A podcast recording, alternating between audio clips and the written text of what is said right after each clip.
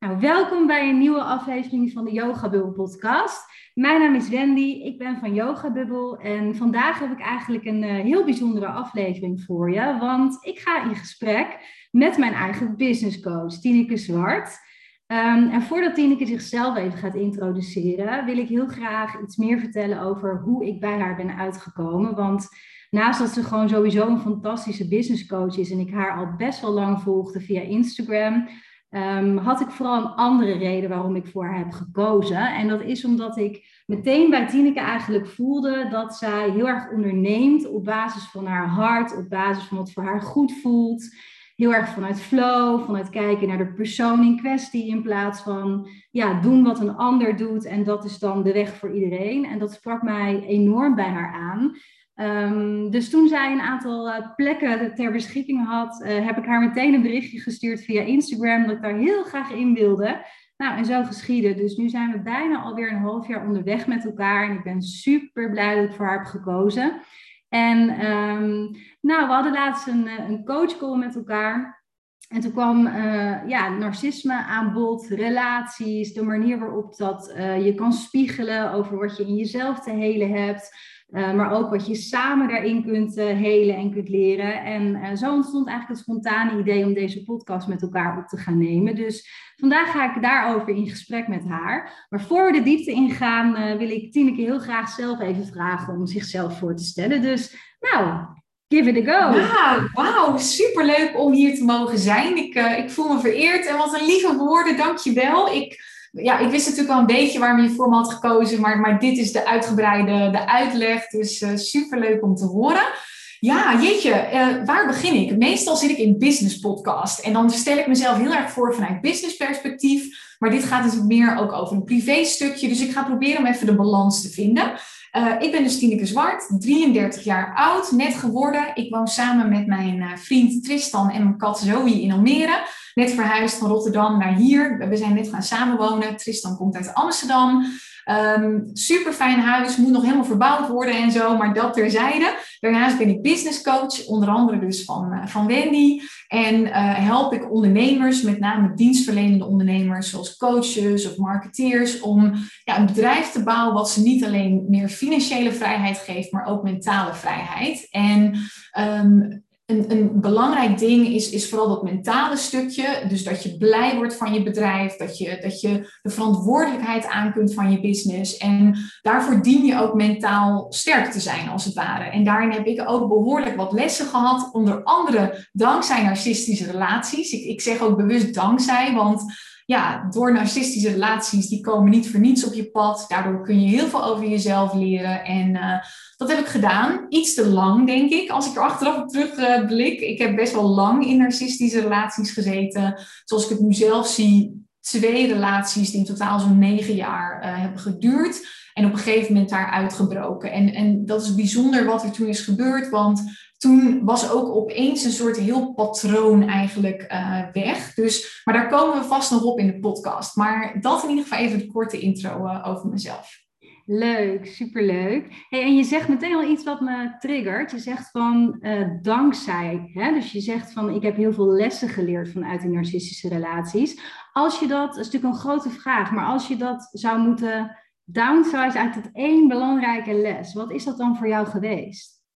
Ja, dat is voor mij eigenlijk echt geweest veel meer, uh, veel beter mezelf kennen. Mezelf veel meer vragen, maar wat wil ik nou? En dat ook duidelijk communiceren. Want um, ik heb eigenlijk heel lang niet doorgehad dat ik in een narcistische, narcistische relatie zat. Daar kwam ik eigenlijk pas na die twee relaties achter. Met terugwerkende kracht kwam ik in één keer op dat woord en dacht ik, wow, wow, wow, weet je, dit klopt gewoon helemaal. Ja. En eh, wat ik toen gewoon vooral merkte, is dat ik mezelf eigenlijk een beetje kwijt was. Ik was alleen maar bezig met, met um, de ander naar de pijpen dansen. Volgens mij is dat het spreekwoord. Gewoon continu proberen om de ander ook niet te triggeren, om, om die maar te pleasen en uh, ja en amen. En, en op een gegeven moment verlies je dan ook een beetje wie je, wie je zelf bent. Want je bent zo bezig met de ander. En um, op een gegeven moment was ik daar een soort van klaar mee. En dan gaat dan gaat er een soort knop om of zo in je hoofd. En dan ga je dat doorzien, dan doorzie je de patronen, dan valt alles op zijn plek.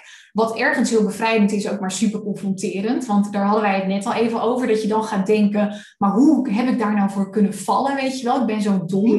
Bij mij was er een oordeel in ieder geval in eerste instantie.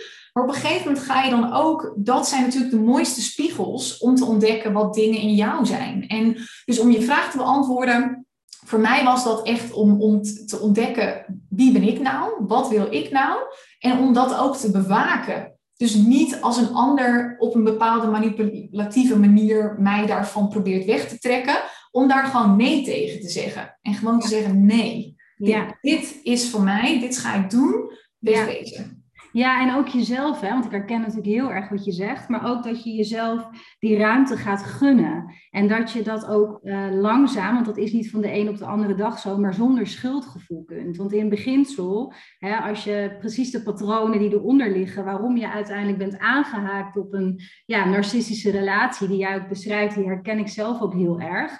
Um, dat maakt ook dat je een soort van gevangen zit in een schuldgevoel. Dat als je nee zegt of je grenzen stelt, dat dat niet oké is of zo. Dus ik heb zelf ook heel erg moeten leren om uh, mezelf die ruimte te gunnen om nee te zeggen. En dat ik me daar niet schuldig over hoef te voelen. Want het is oké als ik mijn eigen grenzen bewaak.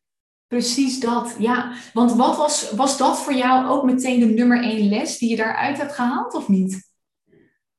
Ja, ik denk het wel. Het zit natuurlijk ook heel erg in het verlengde van wat jij zegt. En ik denk dat dat, ja, dat merk ik ook met de vrouwen waarmee ik werk op dit thema. Dat voor iedereen is dat eigenlijk wel hetzelfde, het kernthema. Dat je gewoon jezelf mag zijn, dat je oké bent zoals je zelf bent.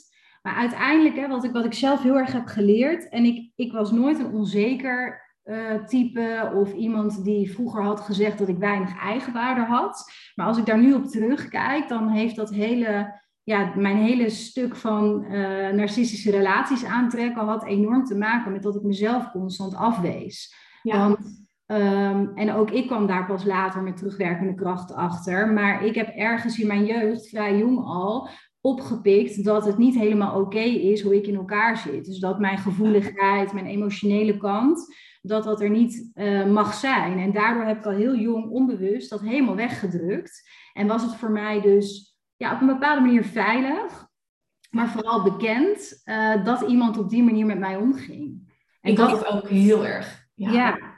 Ja, en wat bij mij zo was, uh, het was echt een deel van mezelf. Want in mijn ene relatie, dat was de langste ook, die duurde zeven jaar merkte ik dat mijn mannelijke kant, die, die mocht er wel heel erg zijn. En die was bij mij sowieso al oké. Daar, daar was ik zelf heel content mee. De Tineke die alles in haar leven bereikte, succesvolle business, uh, zwemkampioen en weet ik het wat. Die mocht er ook helemaal zijn. En, en daar was ik ook oké mee.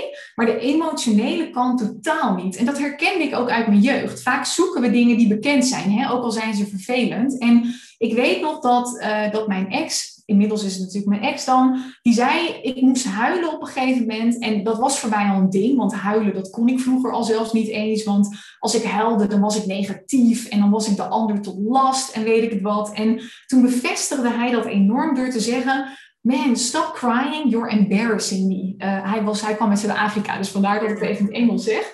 Uh, en dat ik ook echt dacht, fuck, weet je, dat was eigenlijk bij mij het moment dat het voor het eerst pas begon te dagen van hé, hey, dit is niet helemaal gezond volgens mij. Nee. wanneer kwam dat moment bij jou eigenlijk? Ja, bij mij is dat echt uh, gekomen. Ik heb vooral één grote narcistische relatie gehad. Maar ik heb ook wel vanuit mijn jeugd ook veel te maken met... Nou ja, of je daar helemaal het label narcisme op kunt plakken, weet ik niet. Vind ik ook niet zo interessant. Maar het heeft in elk geval heel veel kenmerken daarvan. Dus Um, maar als ik kijk naar die relatie, wat had bij mij te maken dat ik terugkwam van een wereldreis en dat er heel veel dingen achter elkaar gebeurden die uh, maakten dat ik de ballen niet allemaal meer in de lucht kon houden. Precies wat jij zegt, dat mannelijke stuk, die mannelijke energie, die kon ik dus niet meer volhouden. Um, ja, en toen kwam eigenlijk mijn uh, complete uh, karakter naar voren. Dus ook dat vrouwelijke stuk en rust moeten pakken en uh, over emoties willen en moeten praten om überhaupt dingen een plek te kunnen geven. Ja, en daar ging destijds mijn partner helemaal op los. Um, ja. ja, die, die timmerde mij, zal ik maar zeggen, emotioneel en, en figuurlijk in elkaar daarin. En dat was, had ik nodig. Um, het moest voor mij een beetje absurd worden. Om echt in te gaan zien van ja, maar dit, dit slaat helemaal nergens op. Wat ben ik in godesnaam aan het doen? En ik weet dus ook nog heel goed, en dat zei jij net ook uh, in het begin, uh, de dag dat ik besloot om weg te gaan bij mijn ex, toen zei ik letterlijk tegen hem in de gang, uh, als ik nu blijf, blijft er niks meer van mij over. Oh, en ik wist helemaal niet wat ik zei. Want op dat moment had ik helemaal nog nooit echt van narcisme gehoord of van toxische relaties. Of ik was daar helemaal niet mee bezig. Maar dat was zoiets uit mijn diepere ziel, denk ik, of zo, wat er zo uitkwam. En wat zo waar was, maar wat ik toen niet eens helemaal doorzag. En dan komt dat intuïtief boven en dan is dat gewoon zo. Ja. En ik was op een gegeven moment zelf, ik weet niet of jij dat herkent, wel blij dat er een soort dieptepunt kwam. Waarin hij me een soort van echt slecht behandelde. Want ik bleef maar een soort strijd hebben in mijn hoofd.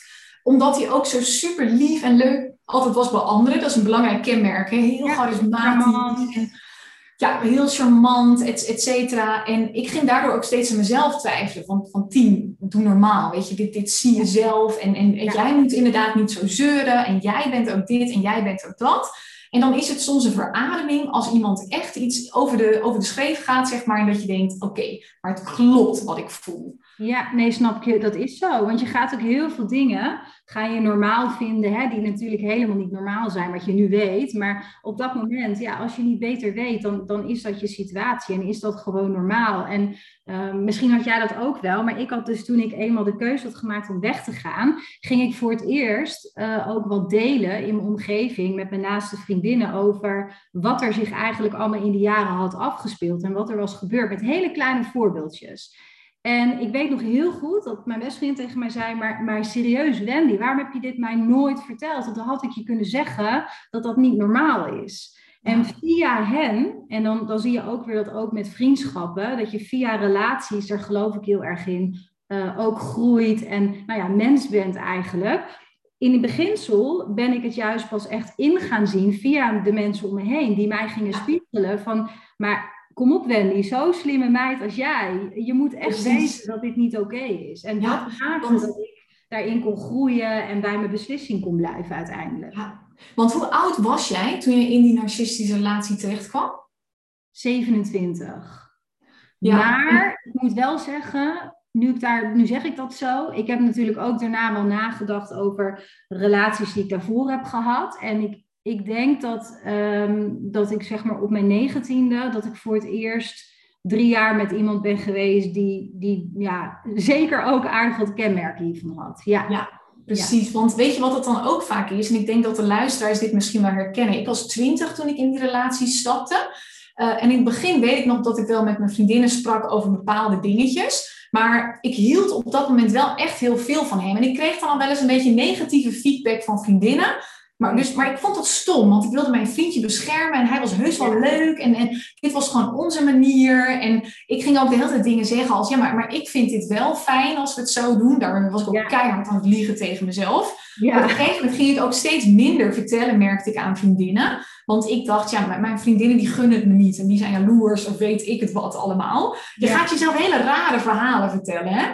En pas op een gegeven moment ben ik daar weer over gaan praten. En toen pas ben ik ook weer echt gaan inzien van, ja, kak, het, het klopte ook gewoon echt niet. Maar je wilt er zelf ook niet aan. Ik was daar ook gewoon te trots voor. Ik schaamde me, denk ik. Om wat jij net ook al zei, van, want dat gebeurt mij toch niet. Weet je, ik ben toch niet zo. ja.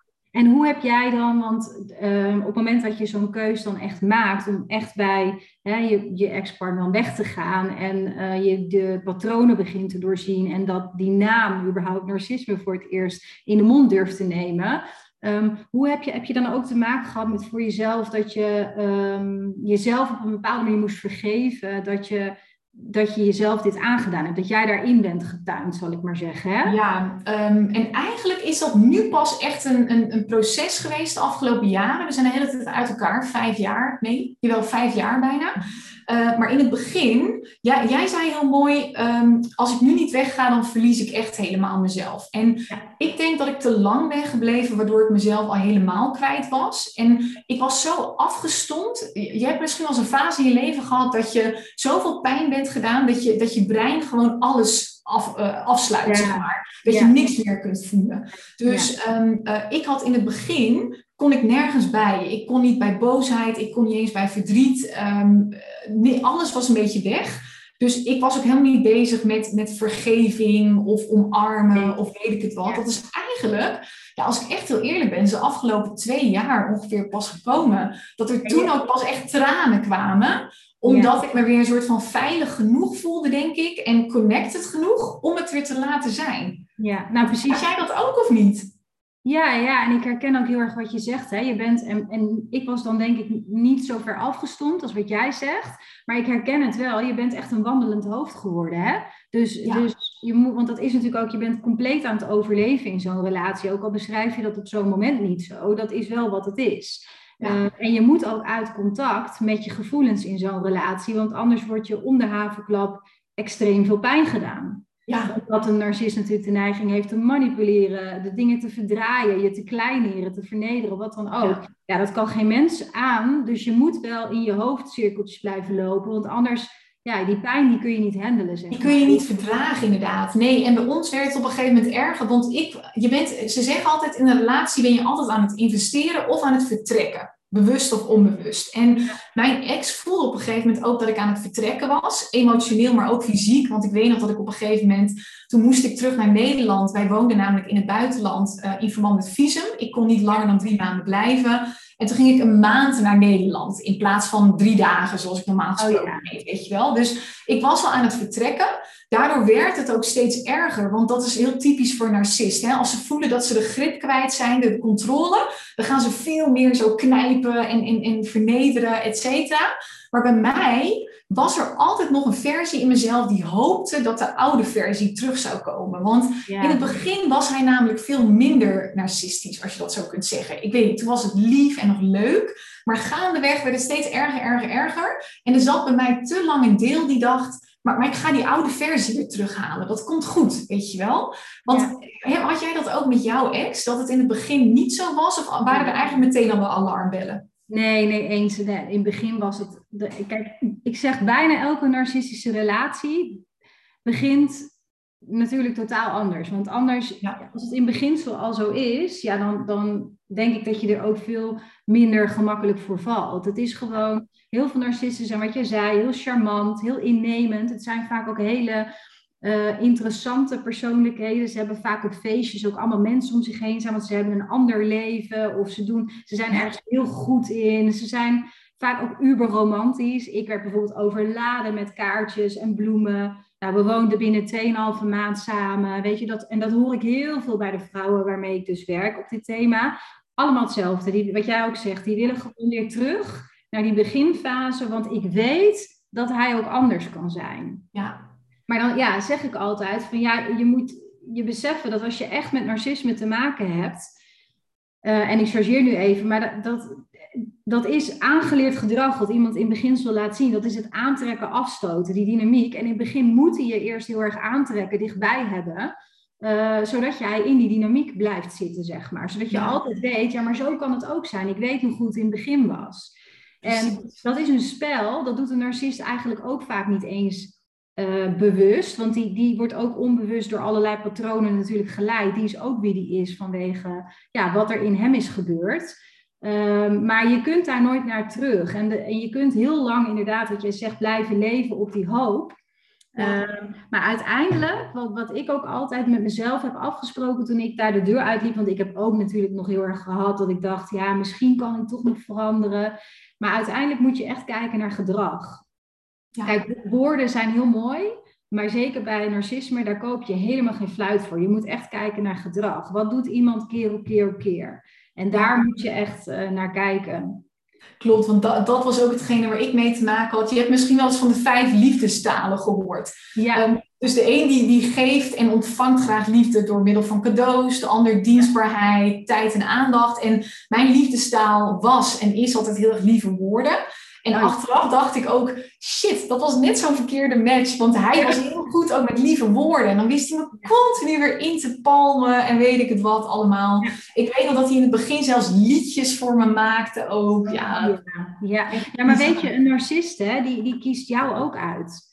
Want um, een narcist, um, en dat is bijna een compliment, een narcist heeft natuurlijk zichzelf op een voetstuk staan. Hè? Die vindt zichzelf altijd beter dan de rest, uh, op een bepaalde manier speciaal, uniek. Dus die zal naast zich nooit iemand tolereren die op zijn minst naar de buitenwereld niet dat niveau heeft dat hij heeft. Dus hij wil shinen met iemand, uh, fysiek, uh, intellectueel, dat maakt niet zoveel uit. Maar je, je moet van een bepaalde, ja, bepaald niveau zijn in zijn ogen, want anders gaat hij überhaupt die relatie met jou niet aan. Dus ja, een narcist kiest jou ook altijd uit. En dat is een stuk waar je zelf natuurlijk geen invloed op hebt, want jij haakt aan vanuit jouw oude patronen, maar jij wordt ook uitgekozen. En dat is ook Precies.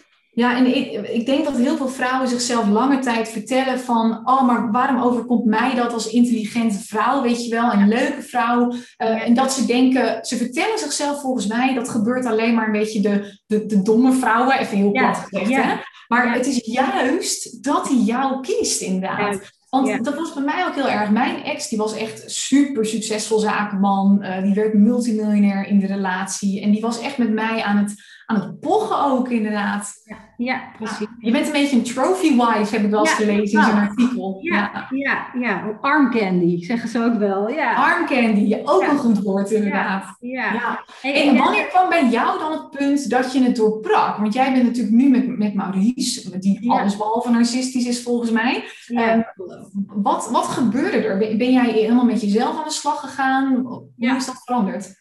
Ja, nou, ik herken wel wat jij net zei. Van ik, ik had zelf ook eerst weer een reis terug te maken naar mezelf. Dus uh, er zijn heel veel dingen die parallel uh, uiteindelijk zijn gaan lopen. Maar het eerste wat voor mij nodig was, was dat ik weer mocht gaan voelen.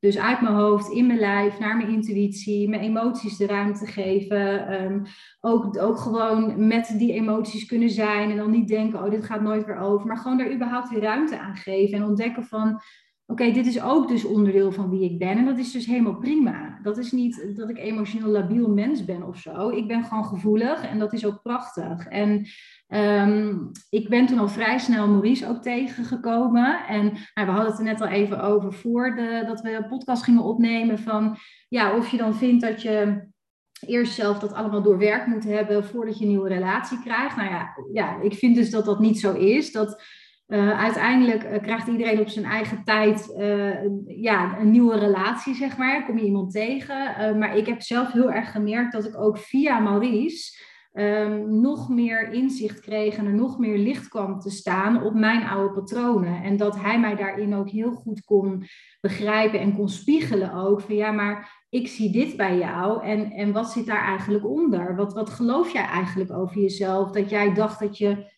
op zo'n plek moest blijven in die relatie. En precies wat jij zegt, op het moment dat je een, uh, je veilig begint te voelen bij iemand, dan kun je ontspannen en dan kun je dus ook ruimte gaan geven aan al die kwetsbare stukken die er, die er gewoon uit moeten, uh, zodat je daar afscheid van kan nemen. Dus ik heb dat ook heel erg ja, met Maurice gedaan, heb ik gemerkt. Ik herken dat. Ik heb ja. dat ook met Tristan gedaan. En dat heeft even geduurd, want in het begin was ik nog steeds wel de vrouw die in de comfortzone zat als het gewoon goed met haar ging. Niet zeiken, niet huilen, weet ik het wat. Ja. Uh, maar, maar Tristan is sowieso heel goed met over emoties praten. Mag er allemaal zijn. Er is altijd liefde en respect en weet ik het wat.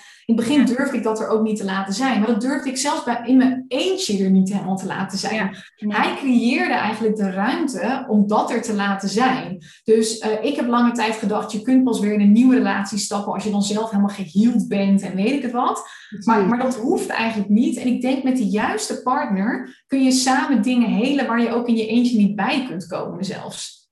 Ja, ben ik helemaal met je eens. En dat levert ook, wat ik daar ook heel mooi aan heb ervaren met onze relatie, is dat het niet altijd makkelijk is geweest in beginsel. En echt een beetje zoeken van, ja, ook omdat we ogenschijnlijk best verschillend waren, maar omdat we zo'n open communicatie hadden en allebei daar zo met respect voor de ander uh, in konden staan, um, heeft je relatie ook een hele mooie diepe basis. Hè? Heel, heel krachtig. En uh, ja, echt op een wezenlijk niveau of zo verbind je dan. En dat is natuurlijk wel ja, prachtig uiteindelijk, vind ik. Super mooi. En ergens vond ik de relatie met Tristan vooral in het begin bijna nog moeilijker. Want bij de narcist zat ik in mijn comfortzone, omdat ik daar getriggerd werd om de vrouw te zijn die ik vroeger ook moest zijn, zeg maar in mijn kind zijn.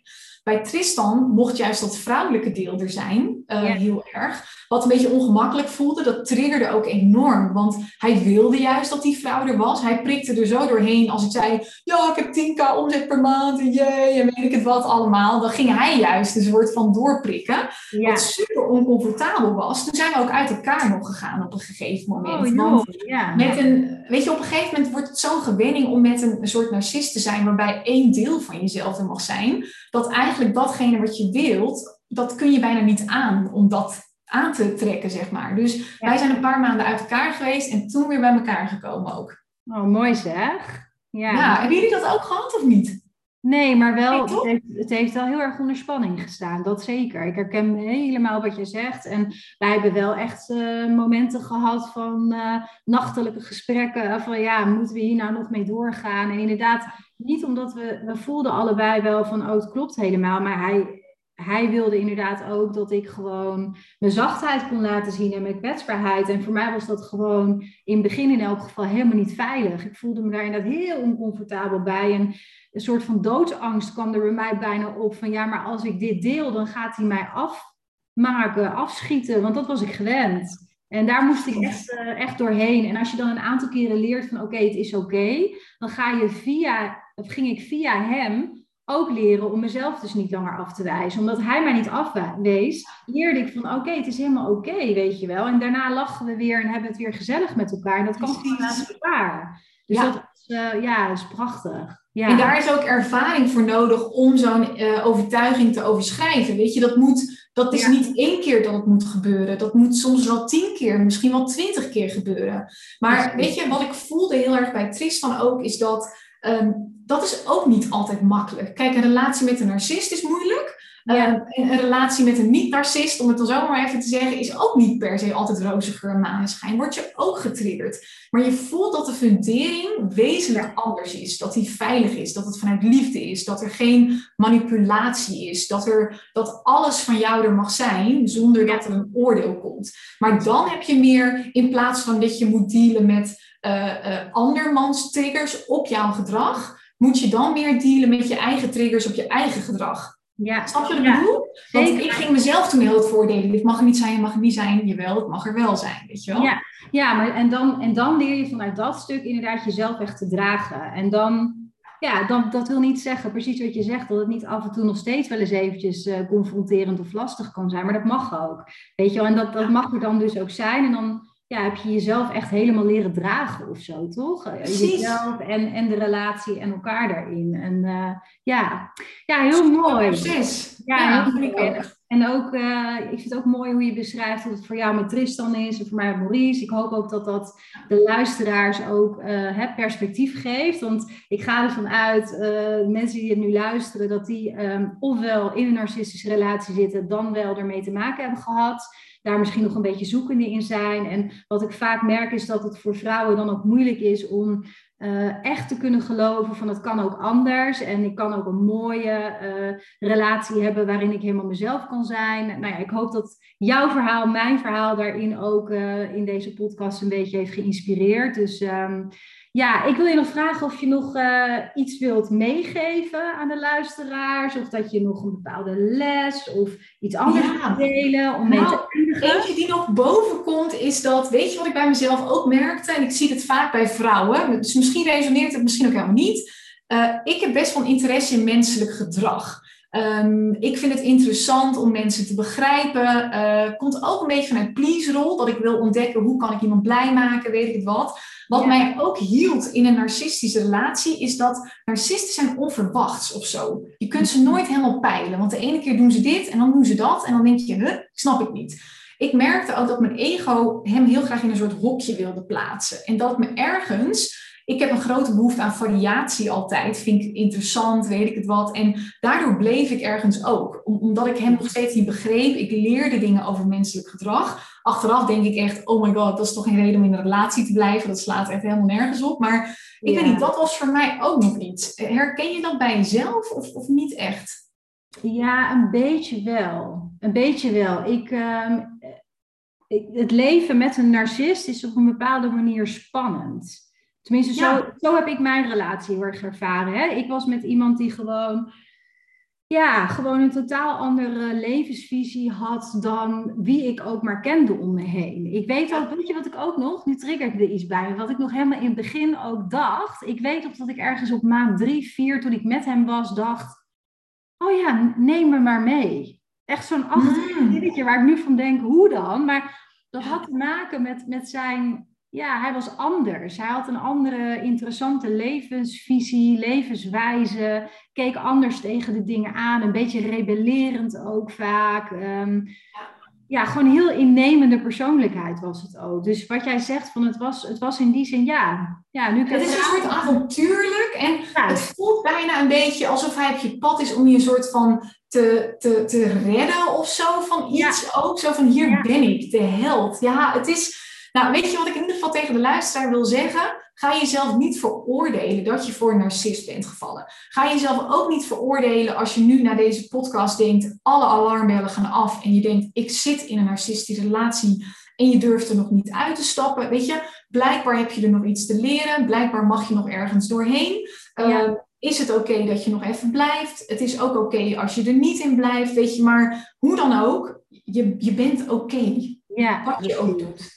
Ja, nou daar sluit ik me helemaal bij aan. Ehm, ja, en ik hoop gewoon vooral ook dat uh, de mensen die nu luisteren, dat die hier gewoon ja, begrip uit te halen voor zichzelf, voor de patronen die eronder liggen. Dat er zoveel complexiteit ook vaak zit in zo'n relatie. En dat dat heel vaak allereerst voor jezelf, maar ook voor je omgeving die er niet mee te dealen heeft, dat dat heel erg moeilijk te begrijpen is. En dat je jezelf daarin gewoon ruimte mag geven, inderdaad, om ofwel te blijven voor hoe lang dat dan nog maar nodig is, wat andere mensen ook zeggen.